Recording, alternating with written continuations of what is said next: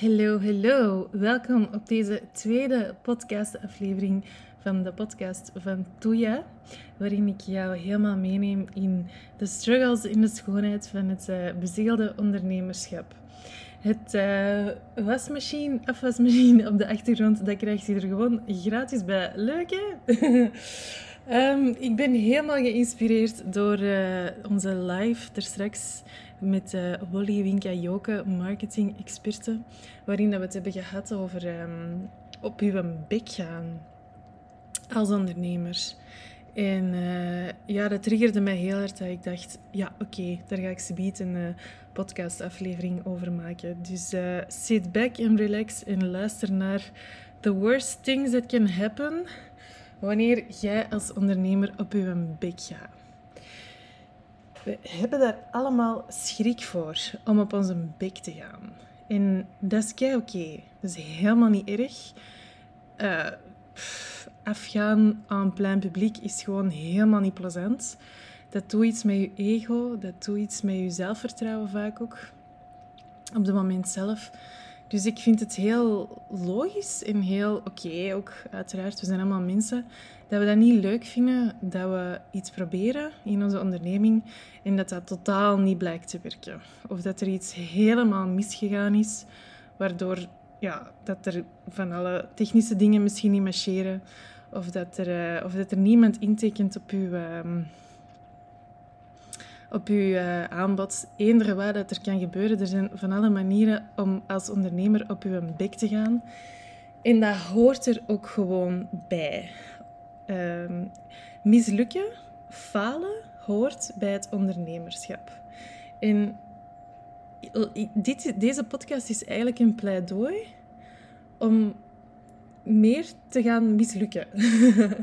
meer te durven falen en daar minder en minder belang aan te gaan hechten.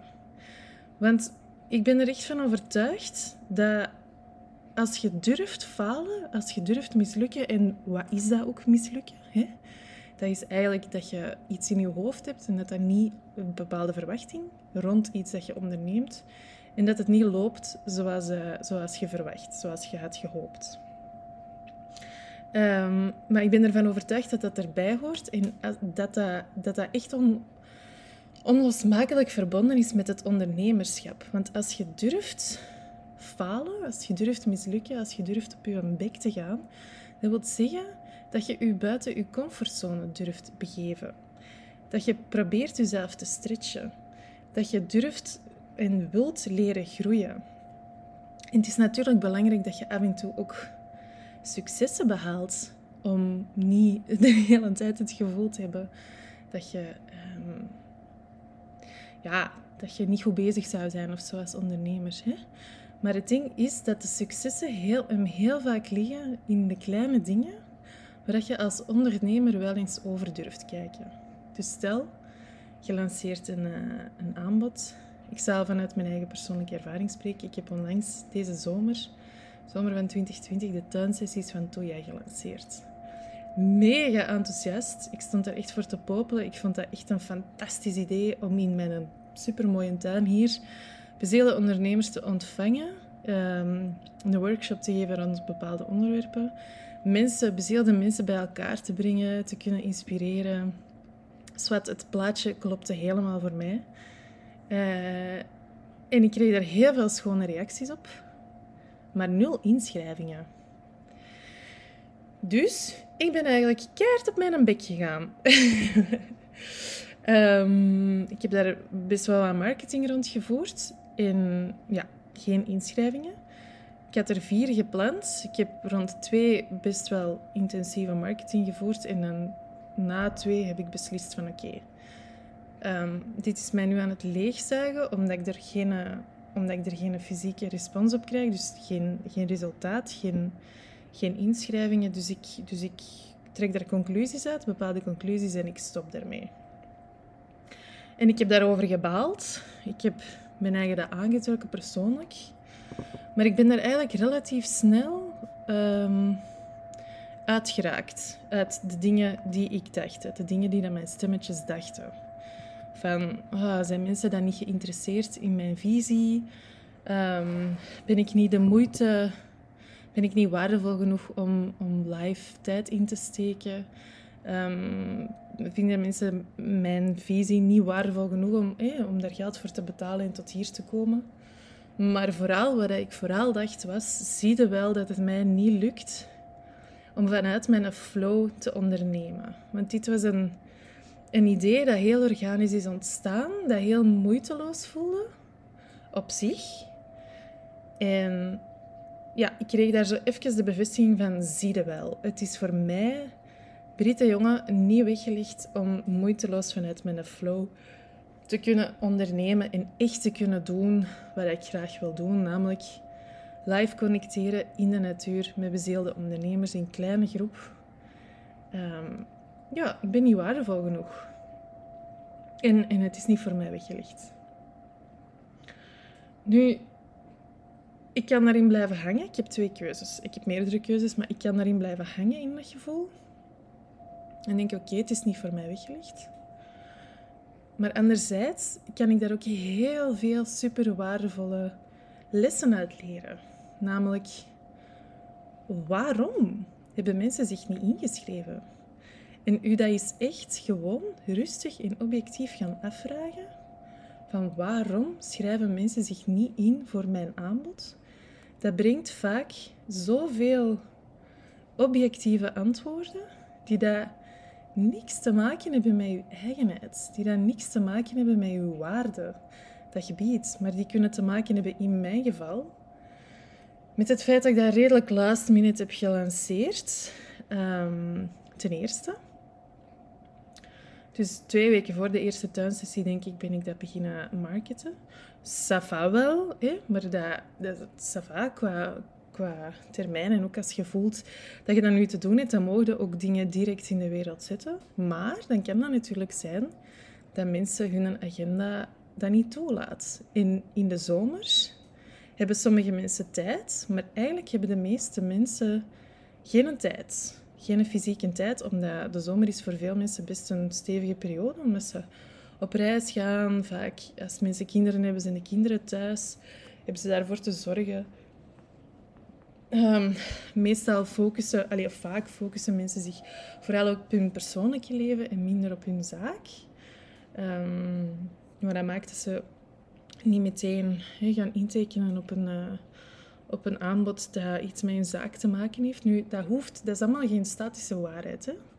Je kunt volop experimenteren met dingen. Dat is helemaal oké. Het is niet, er is niet, ik geloof niet in de zomer is een slechte periode, maar ik geloof wel voor mij in, in dit geval dat je dat dus per moment eigenlijk mocht bekijken. En in dit geval, in de tuinsessies, was dat dus wel het geval. Um, dat is de feedback die ik heb gekregen, onder andere. Maar ik geloof ook bijvoorbeeld, ik had vier verschillende thema's waar ik een tuinsessie rond wilde doen. En dat op vier verschillende dagen. Dus wij krijgen een, een marketing die best versnipperd is. Want per sessie heb je het over één onderwerp. En dan moet je eigenlijk elke sessie opnieuw terug lanceren, omdat het over een nieuw onderwerp gaat. Dus dat is best intens en dat is best overweldigend, zowel voor mezelf, maar ook voor uw volgers, ook voor uw fans, ook voor uw tribe. Daarbij kwam dan nog eens dat, dat, dan, dat ze dan net geïnteresseerd moesten zijn in dat ene onderwerp en dan ook nog eens op die dag moesten kunnen. Dus dat is helemaal niet zo flexibel. Veel minder flexibel als een online aanbod dat ze op hun eigen tempo kunnen volgen of zo. Dus zwart, ik denk dat dat zo de belangrijkste conclusies waren. Wat er op zich minder te doen, maar waarmee ik jou wil zeggen van... Als je een aanbod hebt gelanceerd en dat heeft niet gepakt, dat heeft, daar heeft niemand op ingeschreven, ga eens analyseren wat dat de reden zou kunnen zijn. Je bent op je bek gegaan, maar daar kun je dus heel veel uit gaan leren. En die dingen die kun je, dat is eigenlijk fine-tunen en en dat, dat neem je bewust en onbewust mee, al hetgene wat je daaruit leert, naar je volgende, naar je volgende aanbod. En dat wil niet zeggen dat je je, in mijn geval dan de tuinsessies volledig overboord moet gooien, want dat is een fantastisch idee en ik heb daar schone feedback op gekregen. En nu nog van mensen die dat uh, lezen of allee, wat ik daarover deel, van ah ja, dat gaat niet door. En zo, allee, maar dat was zo'n schoon. Dat voelde zo goed en ik kon gewoon niet op die dag. En ik had er eigenlijk wel echt keihard willen bij zijn. Dus voilà, die feedback krijg je ook. Dus ga zoeken naar wat heeft er gewerkt, wat werkt er vooral voor mij en, en blijf daarmee experimenteren. En dan ben ik ervan overtuigd dat als jij je aanbod vanuit je ziel, vanuit je hart in de wereld zet, dat er sowieso op een moment um, dat dat supergoed gaat thriven. Dat dat, super, dat dat supergoed gaat doen. Maar daarvoor heb je dus soms eerst op je bek te gaan. Het kan zijn dat jij iets lanceert of iets aanbiedt dat meteen kei goed doet. Fantastisch, superleuk. Ik ben heel blij voor u. Dat is kei fijn. Ehm, bij mij is het meer zo dat ik daar volle bak in te experimenteren heb, omdat ik zelf ook nog heel erg te ontdekken heb waar ik van aanga. Um, wat helemaal past bij mijn eigen energie. Um, ik zit momenteel weer in een groot transformatieproces door mijn zwangerschap, waardoor ik binnenkort enkele maanden niet meer, of toch veel minder met mijn zaak ga, waarschijnlijk ga bezig zijn. Dus dat is allemaal zoeken. En ja, ik vind zo um, zoeken echt heel belangrijk en durven, durven experimenteren. En um, ja, wat ik, wat ik ook zeker wou zeggen was dat het is heel menselijk dat wij het gevoel hebben of, of bang zijn van te falen, van te mislukken. Want we hebben als kind ook zo vaak gehoord dat die mensen rondom ons, mensen die begaan zijn met ons, die ons graag zien, onze opvoeders, onze ouders, die zeggen van, pas op, je gaat dat toch niet doen? Uh, dat gaat over kleine dingen. Als je als, driewiel, als kleutertje met je driewielertje rijdt en je rijdt richting een beek Uh, dat je ouders zeggen, oh, pas op, pas op, pas op. Er kan iets gebeuren, er kan iets gebeuren. Je moet voorzichtig zijn. Um, wat je leert, fietsen die daar bang zijn om je los te laten, omdat er iets kan gebeuren. En die angst is reëel. Er kan ook effectief iets gebeuren. Dat kan. Dus het is helemaal niet raar dat wij worden opgevoed met best wel wat voorzichtigheid en best wel wat angsten. Er kan ook effectief iets gebeuren. Iets wat erge gevolgen kan hebben. Maar dat doet heel veel met onze hersenen. Die constante signalen krijgen en eigenlijk niet de ruimte krijgen onbewust om te kunnen vallen, om te kunnen experimenteren, omdat er een gevaar aan schuilt, omdat er risico's in houdt. Dat maakt ook dat wij heel vaak heel voorzichtig gaan zijn en dat, dat, dat we het gevaarlijk vinden om risico's te nemen.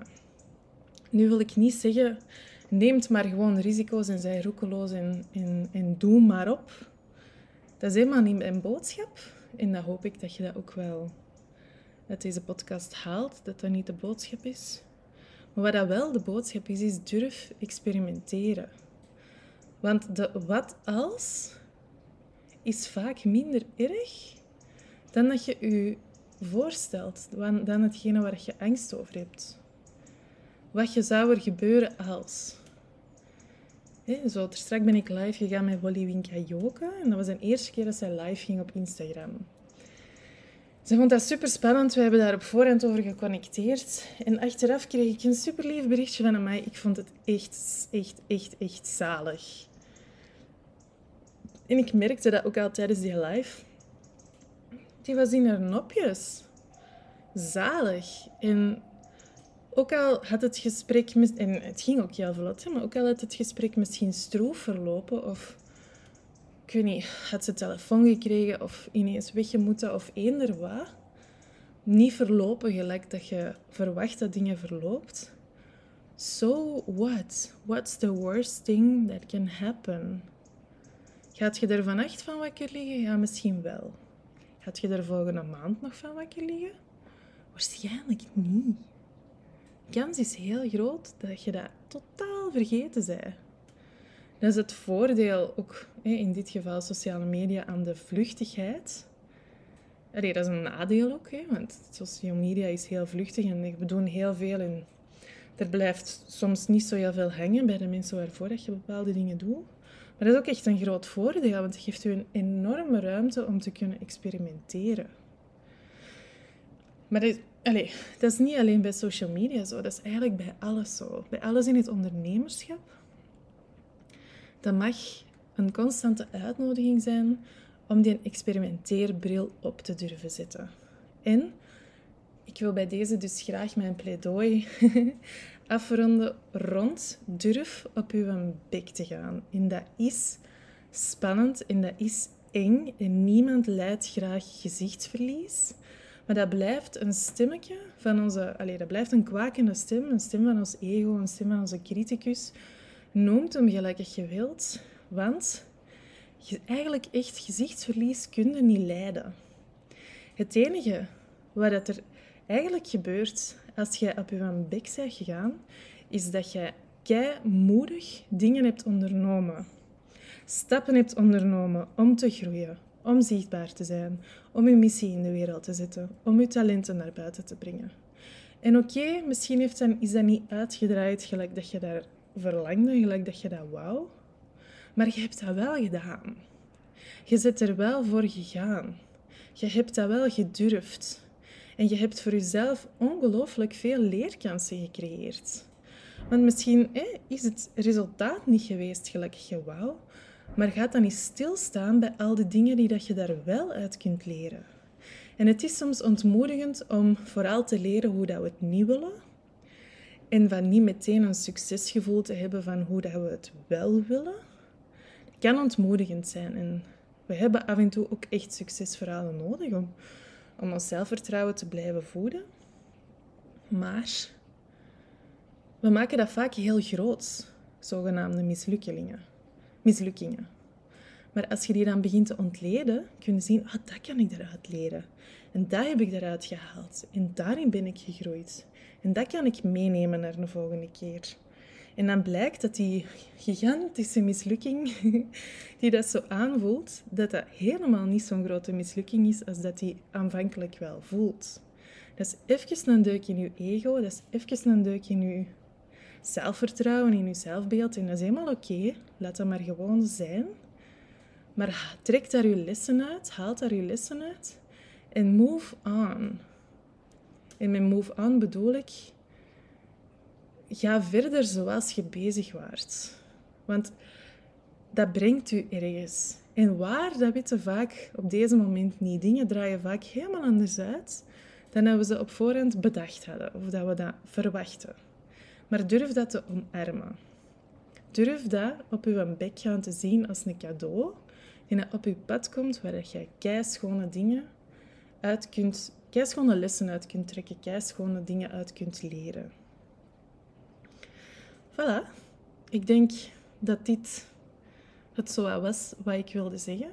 Als je daar vragen rond hebt, connecteer met mij via Instagram. Instagram uh, is uh, underscore, of zie je dat? Liggend streepje Toya. Spreek mij gerust aan over deze podcast in mijn DM's. Ik uh, vind het kei fijn om daarover uh, over in gesprek te gaan. Laat ook zeker weten wat je ervan vond, hoe dat is aangekomen. Zijn er dingen dat je getriggerd hebben? Um, heb je daar vragen rond, mijmeringen? Zit je totaal niet eens met wat ik aan het vertellen ben? Alles, alle input is mega welkom. Um, ik ben zelf ook een zoekende mens. Dus ik zal nooit zeggen dat wat ik verkondig waarheid is. Um, maar hier sta ik wel achter. En uh, voilà, ik hoop dat je er iets aan hebt gehad. Ik hoop dat je ervan hebt genoten. En ik uh, zie of hoor u heel graag later.